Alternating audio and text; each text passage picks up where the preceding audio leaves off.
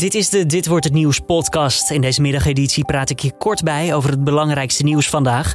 Met daarin formatieproces weer van start, sterke stijging van het aantal coronapatiënten in het ziekenhuis en Noord-Korea skipt de Olympische Spelen. Mijn naam is Julian Dom. Het is dinsdag 6 april en dit is de nu.nl Dit wordt het nieuws middagpodcast. De Tweede Kamer heeft het vanmiddag over de nieuwe informateur die voorgedragen is, Herman Cenk Willink. Hij moet eerst het vertrouwen in het kabinetsformatieproces weer gaan herstellen, zegt ook premier Rutte. Maar in ieder geval is er over te zeggen dat een rode draad door dat debat uh, is het hele vraagstuk van macht en tegenmacht. En het is in ieder geval mijn voornemen om in de gesprekken die dan gevoerd zullen worden onder leiding van de informateur ook dat thema op de agenda te zetten. Cenk Willing krijgt drie weken de tijd om met een oordeel te komen over de kabinetsformatie. Veel partijen willen nog steeds niet met hem regeren. Na alle blunders van vorige week. Je hoort Lilian Marijnissen van de SP.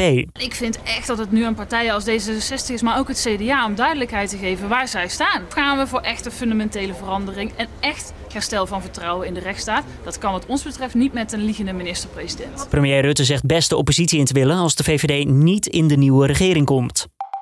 De autoriteiten van het Suezkanaal gaan kijken of het zuidelijke deel van het kanaal moet worden verbreed. In dat deel liep twee weken geleden het enorme containerschip de Ever Given vast. Met een file van honderden schepen tot gevolg. Het is een van de belangrijkste vaarroutes ter wereld. Inmiddels is de file schepen bij het Suezkanaal helemaal opgelost. En het aantal patiënten die met corona in het ziekenhuis komen te liggen is weer flink gestegen. De afgelopen weken nam het aantal IC-patiënten ook toe. Het aantal besmettingen nam wel af. De afgelopen dagen roepen burgemeesters van de grote steden op om toch te overwegen de terrassen te openen. En daar ziet Ernst Kuipers wel wat in. Alles wat lukt om nog even de huidige naleving en daarmee ook de huidige trend in besmettingen vol te houden, is verstandig. En als dat betekent dat je met het openen van een terras kunt zorgen voor een betere naleving, dan is dat een verstandig beleid. Onder andere burgemeester Halsma van Amsterdam wilde terrassen weer open.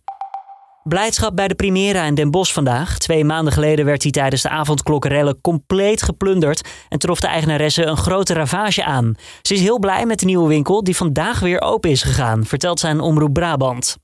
De verontwaardiging was natuurlijk enorm. En uh, ja, de blijdschap die is uh, nog meer overweldigend. En uh, ik denk dat we zo kunnen laten zien dat we samen sterker zijn. Dat de winkel er nu weer helemaal netjes uitziet, heeft alles te maken met een crowdfundingsactie door Geen Stel. Er werd meer dan 100.000 euro opgehaald. En Noord-Korea doet dit jaar niet mee aan de Olympische Spelen in Tokio. Het land wil de sporters beschermen tegen de coronapandemie. Dat zegt het ministerie van Sport daar. Het IOC is verbaasd over de afmelding. Ze hebben het namelijk nog niet officieel binnengekregen van Noord-Korea. Nou, het land is het eerste land dat zich vanwege corona terugtrekt uit Spelen. Het is voor het eerst in zeker 30 jaar dat de Noord-Koreanen niet meedoen.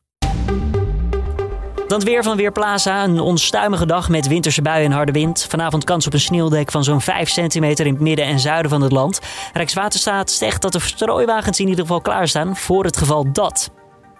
En voordat we afsluiten nog eventjes dit gedoe in Amsterdam-West. Daar werden namelijk honderden mensen tijdens de paasnacht wakker gehouden door het lawaai van heiwerkzaamheden. En daar zijn de omwonenden vanzelfsprekend niet blij mee. Zelfs om twee uur s'nachts ging hei gewoon nog door bij het aanleg van een tunnel onder het spoor.